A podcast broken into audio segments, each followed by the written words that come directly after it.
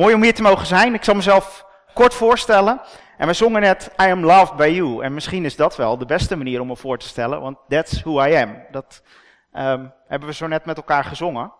Maar misschien goed om wat meer te vertellen. Ik um, ben hier voor het eerst. En um, dat, uh, dat vind ik leuk. Ik, uh, ik ben hier uitgenodigd door, door het bestuur. Maar ik heb een tijd samengewerkt met, uh, met Harry bij World Servants. Daar werk ik nog steeds. En um, daar ben ik verantwoordelijk voor de, de voorbereiding van de jongeren die op reis gaan. Jongeren die een eind weggaan. Komende maand dan, uh, dan begint dat weer. Die gaan naar ontwikkelingslanden toe om daar samen met, met partnerorganisaties te bouwen aan, aan verandering. Aan bijvoorbeeld een school, een ziekenhuis. En dat doen we in de hoop dat die jongeren ook flink veranderen. En juist dat veranderen van de jongeren, dat is waar ik met een hoop vrijwilligers aan samenwerk. Ik woon in Wolvenga. Ik um, ben lid van, van een kerk in Leeuwarden, CLC vroeger de Salvator heette, misschien beter onder die naam uh, bekend. En daar ben ik uh, ook oudste. En ik ga zo nu en dan um, in verschillende gemeenten ook voor. En dat vind ik mooi dat ik dat ook vanmorgen bij jullie mag doen. En waarom ik dat mooi vind, ik vind het altijd bijzonder om te bedenken dat de zondag, dat die zo'n zo'n bijzondere dag is op zoveel plekken, overal ter wereld. Bijzonder om te bedenken dat, dat we die mijlpaal van het sterven, maar vooral dan ook weer het opstaan van Jezus, dat we die elke week opnieuw eigenlijk bekrachtigen. Door bij elkaar te komen en door te vieren wat, wat Hij voor ons gedaan heeft. De eerste dag van de week als een soort van nieuw begin. Een nieuw begin met Hem, een nieuw begin met elkaar. En een nieuw begin om stil te staan bij waar het leven om draait. En ik weet niet hoe dat voor jullie is, of dat elke zondag ook zo is. Of elke zondag ook een moment is om stil te staan bij, bij de manier waarop je betrokken wilt zijn bij het werk van Jezus. Bij het werk van de, van de lokale kerk, bij het werk van de wereldwijde kerk. Maar ik denk dat het mooi is om elke zondag echt actief stil te staan. Om actief een besluit te nemen van ik wil weer betrokken zijn. En dat is waar ik vanmorgen bij jullie ook, of met jullie bij stil wil staan. Betrokken zijn bij het leven van de opgestane Heer. En ik wil dat graag doen bij een verhaal uit de Bijbel dat mij erg aanspreekt. En ik weet niet precies waarom dat verhaal me zo aantrekt, maar misschien heeft het er wel mee te maken dat er een poster van dat verhaal op mijn babykamer hing vroeger. Ik moet er uren naar gekeken hebben. En ik weet niet of jullie uh, deze poster herkennen. Maar um, als ik nu bij mijn ouders wel eens een keer een nachtje logeer, dan slaap ik op de kamer waar mijn neefje ook altijd uh, logeert. En dan hangt die poster er weer. Dus um, ik, ik word er regelmatig mee geconfronteerd. Ik ben wel benieuwd wie, wie herkent deze poster. Wie zegt er van, hé, hey, dat is dat Bijbelverhaal. Verschillende handen gaan omhoog. Ja? Iemand die... Ja, inderdaad. Dat is het... Uh, het verhaal, het verhaal van de vlamde man. Tenminste, dat kopje staat erboven in die uh, kijkbijbel van, uh, van Kees de Korte, waar deze poster uitkomt. Um, en uh, in de MBV staat ook de verlamde man boven dat verhaal. En dat vind ik best opmerkelijk waarom dat er dan boven staat, want dat zegt iets over de focus van degene die die kopjes bedacht heeft. Want het had ook het verhaal van de vier vrienden kunnen zijn. Of het verhaal van uh, de schriftgeleerden. Het verhaal over de honderden omstanders. Want die waren het grootste in getal, dus waarom staat er niet boven het verhaal van de honderden omstanders? Of het verhaal van Jezus' bewogenheid. Dat is toch wel wat alles omkeert in dat verhaal. Of er had nog een andere kop boven kunnen staan. De prioriteiten van Jezus. Had ik op zich ook een interessante kop gevonden. Maar nee, er staat boven de verlamde man. Gelukkig is dat niet echt onderdeel van de Bijbel, die kopjes. Die hebben wij er zelf ooit boven gezet. Dus ik zou wel eens eventjes met jullie naar dit verhaal willen kijken. En willen kijken van, nou waar liggen nou eigenlijk van nature onze focus? En, en waar zou je ook nog naar kunnen kijken? Ik ga zo meteen dat verhaal lezen en dan zou ik jullie willen vragen, zouden jullie eens eventjes op de verschillende personages willen letten? En in dat verhaal, daar komen we dan die vier vrienden tegen, die met elkaar op pad gaan. We komen de verlamde man vanzelfsprekend tegen, van het kopje zoals het nu in de Bijbel staat. Honderden omstanders, het exacte aantal weten we niet, maar dat moeten er flink wat geweest zijn. We komen de schriftgeleerden tegen en vanzelfsprekend Jezus.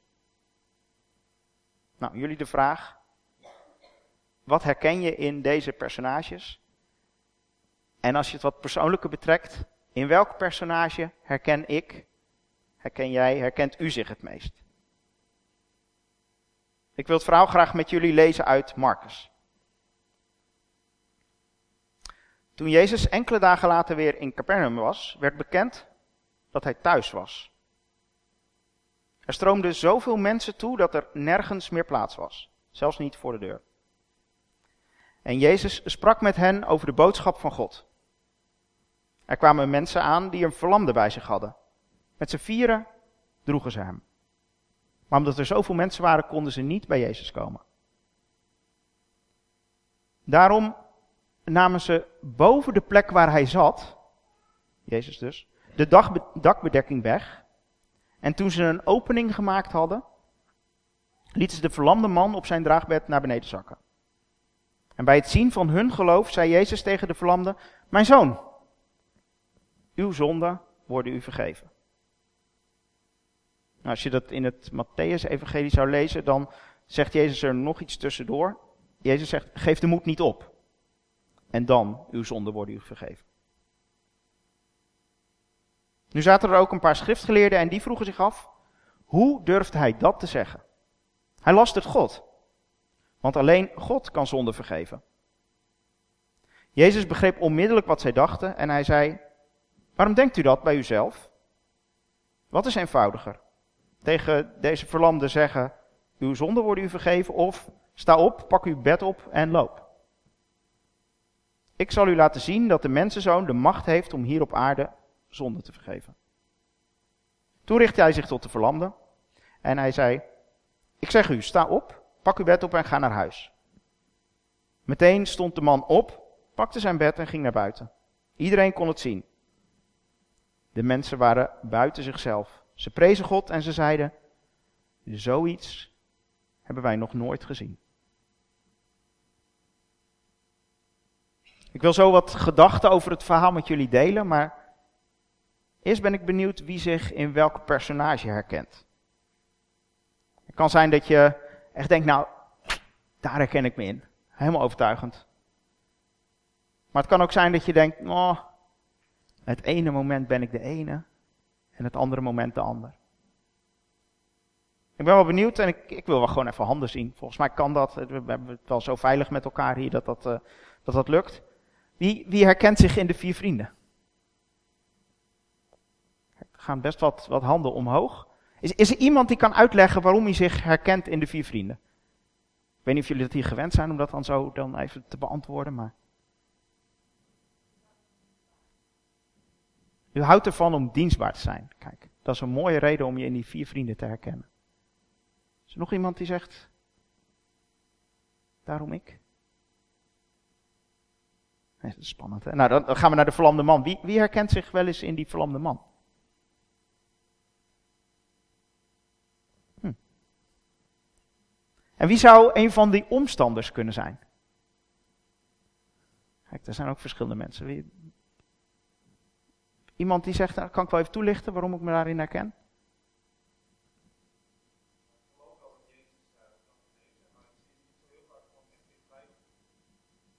je gelooft het wel, maar je ziet het niet zo vaak. Dus eigenlijk een soort van nieuwsgierigheid? Of terughoudendheid? Wat, wat? Oké, okay. mooi. Nog iemand een andere reden om zich in die omstanders te herkennen? Nou, ze zijn het allemaal met je eens. Dat is mooi. Uh, en wie is er af en toe wel eens een uh, schriftgeleerde? Het is een beetje een spannende vraag natuurlijk om dat te erkennen, maar uh, gaan ook wat handen omhoog. Iemand?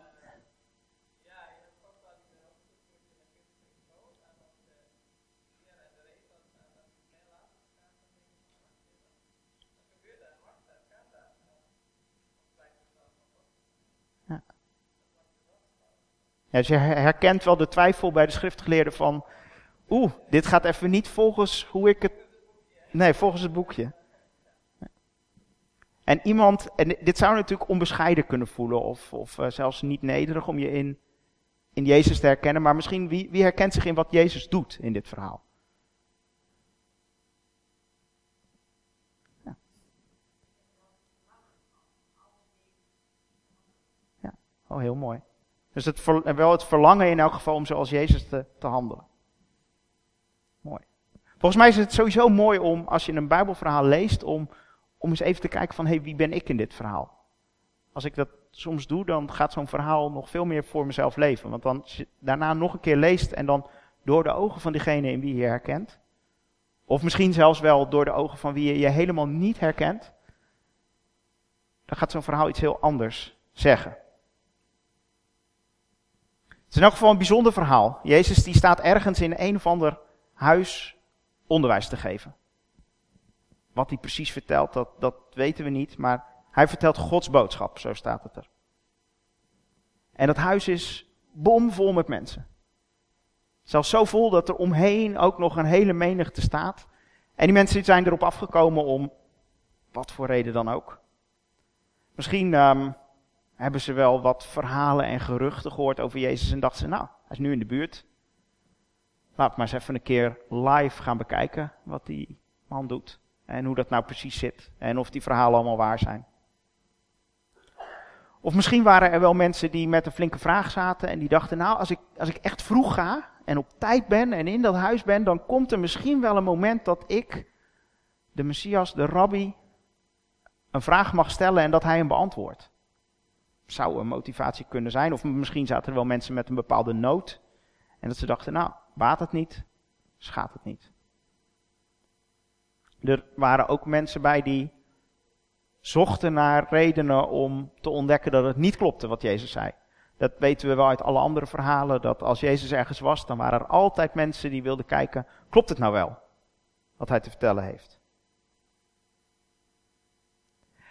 En ik denk eigenlijk, is misschien niet zo'n Bijbelse uitleg, maar ik denk dat er ook wel mensen waren die gewoon uit verveling daar waren.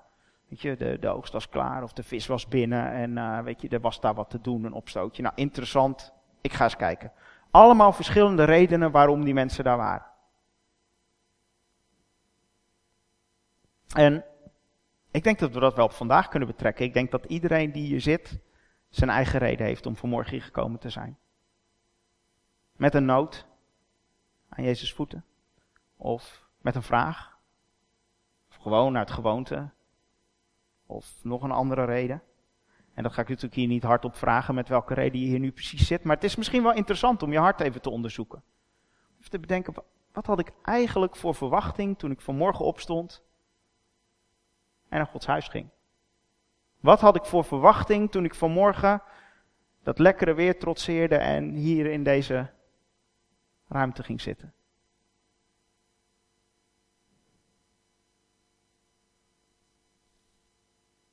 In elk geval al die honderden omstanders die hadden een verwachting en of ze daar actief mee bezig waren weet ik ook niet. Maar die stonden daar en nou ja, ze lieten het denk ik niet aan hun omgeving zien wat precies die reden was. Meestal gewoon een onzichtbare reden. Maar één man die kwam met een zichtbare reden. Hartstikke zichtbaar. Hij werd daar op dat draagbed aangedragen en mensen zullen gekeken hebben van, hé, hey, wat, wat, nou ja, en, en, die hadden het ook al meteen door. Er is een nood en het moet opgelost worden.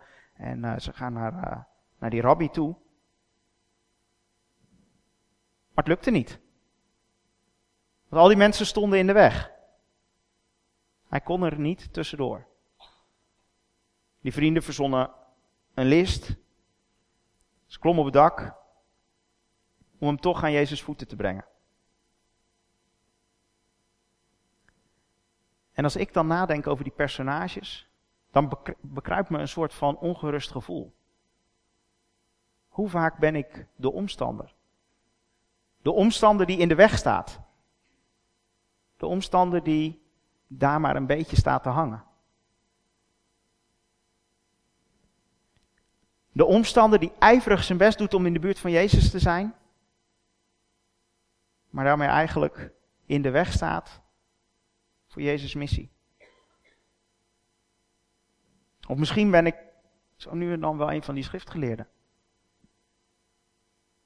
Die denkt, ja, als je zo'n meeting hebt, dan ga je het dak toch niet slopen. Dat doe je toch niet. Die zijn oordeel al klaar heeft. En zo met de beste bedoelingen in de weg staat. Ja, ik hoop natuurlijk een van die vrienden te zijn. Zo'n dienstbaar iemand die een vriend meeneemt en die dan uiteindelijk een geopende hemel zichtbaar maakt voor een van die vrienden.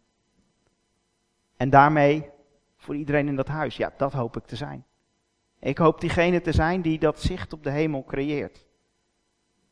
Dat gat in het dak, dat lezen we één hoofdstuk eerder ook. Eén hoofdstuk eerder, dan hebben we die opengescheurde hemel en die duif die neerdaalt bij Jezus. En hoe erg hoop ik dat ik een van die vrienden ben die ook die zichtbare open hemel of dat zichtbare open dak creëert. Dat zichtbare contact van, van God met, met de Verlosser, de Redder. Als God die, die als God vanuit de open hemel zichtbaar contact zoekt met Jezus. Nou, hoe graag wil ik daar wel niet aan bijdragen? In dit verhaal, nou, het moet een kippenvel moment geweest zijn. Dat dat, dat dat dak open is, dat die vrienden naar beneden kijken, dat Jezus daar staat, dat die vriend naar beneden zakt en dat alles bij elkaar komt. Dit moment, van daarom namen ze boven de plek waar hij zat de dakbedekking weg. En toen ze een opening gemaakt hadden, lieten ze de verlamde man op zijn draagbed naar beneden zakken. Iedereen moet het gezien hebben. Nou, misschien een paar mensen die aan de achterkant van het huis stonden, die hebben het niet gezien, maar die hebben al heel snel gehoord dat er geroezemoes in het huis was. Er kwam iemand naar beneden zakken en er kwam licht het huis binnenstromen. En als je dan door de ogen van die verlamde man kijkt, die daar ligt op dat draagbed, naar beneden zakt en eerst alleen de felle zon ziet door dat dak heen en dan Jezus zelf, die zich over hem heen buigt en naar hem begint te praten. En die verlamde man die kijkt naar boven, hij ziet de hemel, hij ziet zijn vrienden om dat gat heen. En hij ziet Jezus in de spotlight. En dat moment, dat moet toch vol van spanning geweest zijn.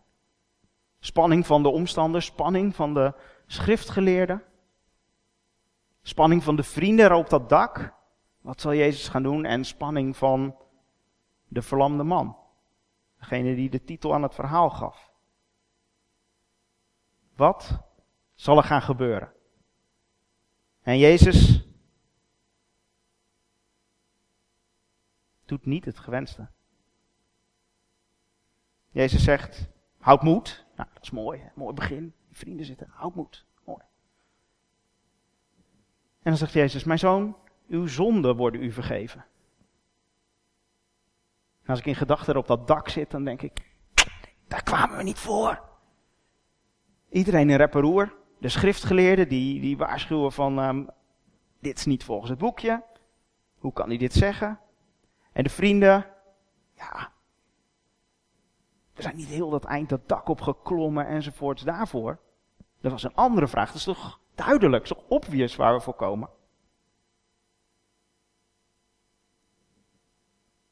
Gelukkig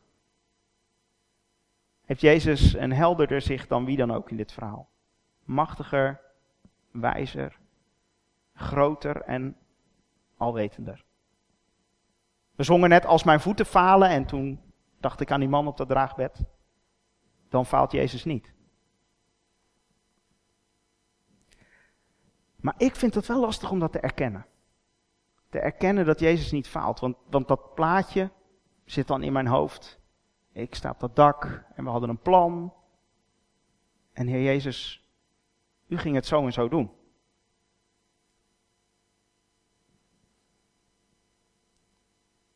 Ik deelde net de vraag waarom ik dit zo'n mooi verhaal vind. En um, het kan door die poster op mijn babykamer.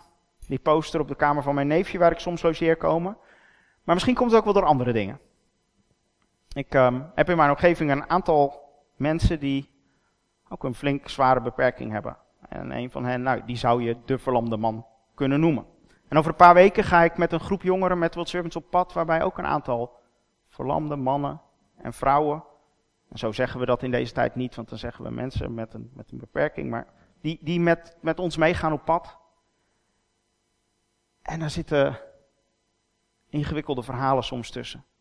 Verhalen waarbij je denkt, nou ik heb mijn gebed wel klaar, Heer. Ik heb wel klaar wat u moet doen. En ik wil graag een vriend voor ze zijn. Een vriend die ze aan de voeten van Jezus brengt. En sommigen van hen kennen Jezus, anderen kennen Jezus niet. En wat is dan mijn rol? Mijn rol als vriend. Welke vraag moet ik Jezus stellen? En als ik de vraag stel, waarom doet Jezus dan niet gewoon wat ik vraag? Maar dan vraag ik mezelf ook af, ben ik wel zo moedig als die vrienden? Durf ik wel zo expliciet in actie te komen? Durf ik dat dak wel open te breken? Durf ik de vraag wel echt aan de voeten van Jezus te leggen? En durf ik het antwoord aan Jezus over te laten? Als ik wat verder nadenk over die vrienden, dan voelden ze misschien wel diezelfde onmacht. Ze kijken naar beneden over de rand van dat opengebroken dak. En ze denken, ja heer, waarom nou dat antwoord? Waarom dat antwoord? Nou, dat kun je natuurlijk allerlei theorieën over bedenken. En ik denk dat Jezus hier in elk geval wil laten zien dat geestelijk welzijn boven alles gaat. Maar ik denk dat Jezus een tweede reden had. Ik denk dat Jezus wilde laten zien, hey, het is niet alleen die verlamde man die mij nodig heeft. Jullie op dat dak en al die omstanders, jullie hebben mij net zo hard nodig. En als ik er wat dieper over nadenk en me graag wil herkennen in die vrienden op dat dak, dan besef ik dat ik misschien wel die man op dat draagbed ben. Diegene die Jezus in onze ogen het hardste nodig heeft.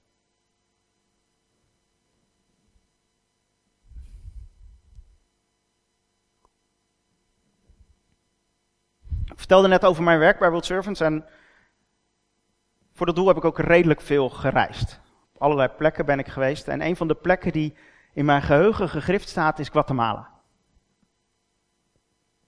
Ik heb heel wat plekken gezien waar onrecht zichtbaar wordt. En Guatemala stad is wel een van de meest zichtbare plekken wat dat betreft.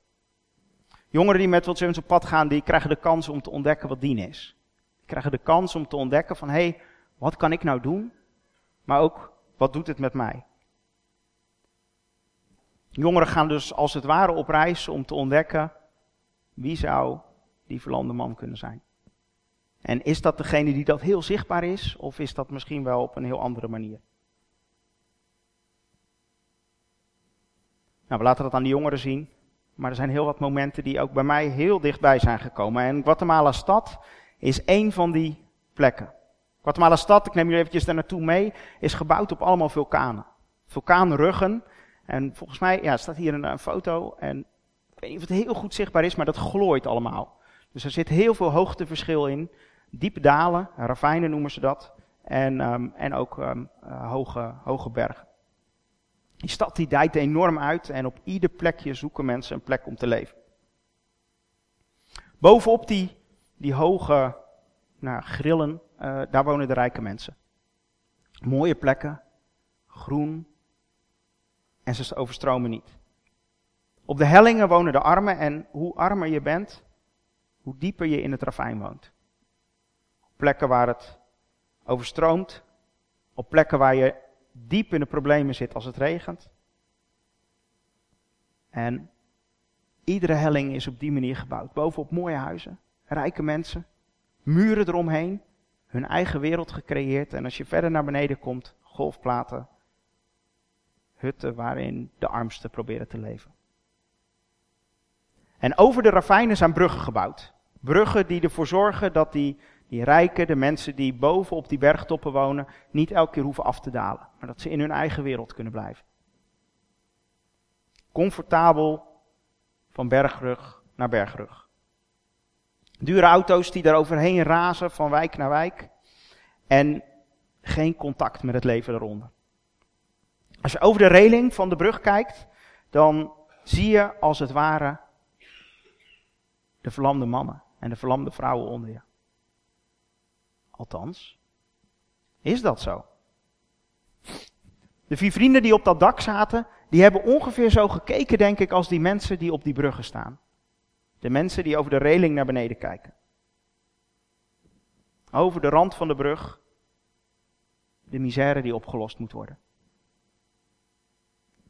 Over de rand van de brug, door het gat in het dak, degene die Jezus het hart nodig heeft. Tenminste, die gedachte. En als jullie met mij op die brug gaan staan, dan kijk je naar beneden en dan zie je al die golfplaten daken.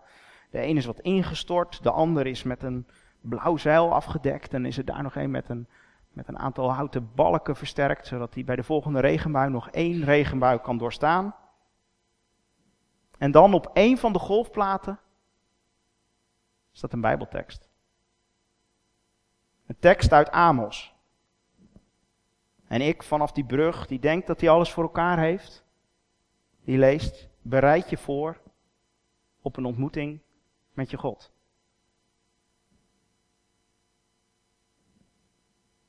Voor mij een moment waarop alles omdraait. Ik dacht die vriend te zijn, naar beneden kijkend, die de verlamde armen in Guatemala kwam helpen. Maar het is helemaal andersom. Die man daar beneden is mijn vriend. Hij is degene die mij wijst op de hemel. Terwijl ik naar beneden kijk, naar zijn dakje, kijk ik als het ware naar boven. De waarheid is omgekeerd. Laten we teruggaan naar het verhaal. Terug naar vandaag. Volgens mij leert Jezus ons allemaal iets. Juist door deze geschiedenis. Volgens mij is elk verhaal dat Jezus ons vertelt toepasbaar op ons leven en volgens mij dit verhaal speciaal. Of je nu jezelf vooral herkent in die man op de draagbed, of in die vrienden of de schriftgeleerden, de omstanders van Jezus. Of je het gevoel hebt dat je bijdraagt aan het wonder, of het gevoel dat je het misschien zelfs soms in de weg staat of tegenwerkt. Ik denk dat, dat er een aantal dingen zijn die we mee kunnen nemen. Ik heb er drie dingen uitgehaald uit dit verhaal. Jezus doet iets wat breder is dan wat wij verwachten. In de Griekse tekst lezen we eukopoteron. En dat betekent zoiets als bevrijding, verzoening en vergeving in één. Heling, zou je kunnen zeggen. En voor mij is de conclusie, de oplossing van Jezus is een stuk breder, een stuk completer dan hoe wij hem soms bedacht hebben. En ik vind dat lastig. Ik vind het echt moeilijk om het aan Jezus over te laten, om het aan God over te laten om, om het maar op te lossen. Ik heb zelf een plaatje voor ogen hoe het zou moeten. Ik vind het lastig om die vriend te zijn en dan tegen God te zeggen, neem maar de regie. En toch zong ik vanmorgen van ganser harte, Christ is enough. Die balans zoeken is volgens mij een van de dingen die, die Jezus ons leert in dit verhaal. Op zoek gaan naar die vriend zijn, die dienstbare vriend. En tegelijkertijd op zoek naar een manier waarin we alle ruimte geven aan, aan God om te handelen op zijn soevereine manier. Als je hard bezig bent om vriend te zijn, en dat is punt 2, Um, dat maakt je misschien wel voor een deel ook degene die juist gediend moet worden. Ik denk dat Jezus hier in dit verhaal laat zien dat het goed is om daar ook een balans in te vinden. Alleen maar dienen, alleen maar Martha zijn, is volgens mij niet waar Jezus ons toe oproept. En tegelijkertijd alleen maar gediend worden is nergens voor nodig, want iedereen kan dienen, daar ben ik van overtuigd. Iedereen heeft wat te geven. Die man met dat dak, waarvan we verwachten dat hij weinig had bij te dragen, die draagt juist bij. Dus laten we iedereen ook de ruimte geven om te dienen. En als je graag dient, misschien is het dat dan juist wel de oproep uit dit verhaal. Om eens gediend te worden. Om de andere ruimte te geven. Een derde punt wat ik uit dit verhaal haal is het slotvers. In het slotvers is iedereen in extase over wat God gedaan heeft. Iedereen is betrokken. Iedereen prijst God. En volgens mij is dat de mooiste conclusie van, van dit verhaal. Iedereen kan betrokken zijn. Iedereen kan betrokken raken en dat kan zelfs als je in de weg gestaan hebt. Dat kan zelfs als je een cynische, kritische toon ooit hebt aangeslagen. Je kunt betrokken raken. Je kunt weer betrokken raken. Misschien zeg je wel, nou alle drie die lessen, daar kan ik wat mee. Misschien zeg je wel, nou, één van de drie is voor mij relevant.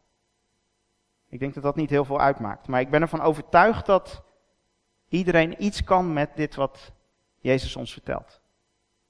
En misschien mag ik jullie uitdagen, zo meteen bij de koffie, om het niet alleen over het mooie weer te hebben en over wat er zo meteen gaat gebeuren, maar gewoon eens even aan de ander de vraag te stellen. Welke les neem jij op deze eerste dag van deze nieuwe week mee naar huis? Waar ga je deze week mee aan de slag en, en hoe ga je dat doen? Want volgens mij is dat het begin van betrokkenheid.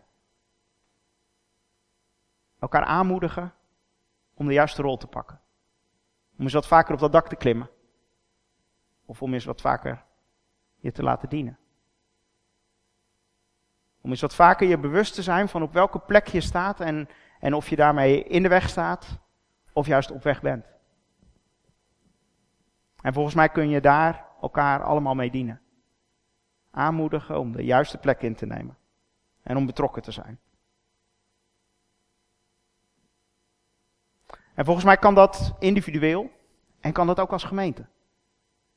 En ik weet niet precies op welke manier jullie dat als gemeente doen, maar volgens mij is het een mooie vraag om ook te, jezelf af te vragen, hoe vullen we dit als gemeente in? En welke plek nemen we in hier in onze buurt? En ik heb begrepen dat dat ook voor jullie komende seizoen een, uh, een vraag is waar jullie bij stilstaan. En daar wil ik jullie in zegenen. Wil ik jullie in aanmoedigen en enthousiasme ook delen, want het is een mooi proces. Om als gemeente en als individu op zoek te gaan naar diegene van wie je misschien denkt, die moet het van mij hebben. En dan te ontdekken wat jij ook van diegene weer kan krijgen. Want een ontmoeting, een ontmoeting met Jezus en een ontmoeting met de ander is altijd ook een ontmoeting die weer iets geeft. Het is niet alleen geven, het is ook zeker ontvangen. En echte ontmoetingen zijn verrijkend. Ik wil graag voor jullie bidden. Voor deze komende week en voor jullie als gemeente.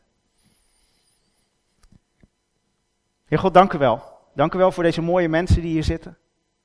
Dank u wel hoe we gemeente mogen zijn in uw naam.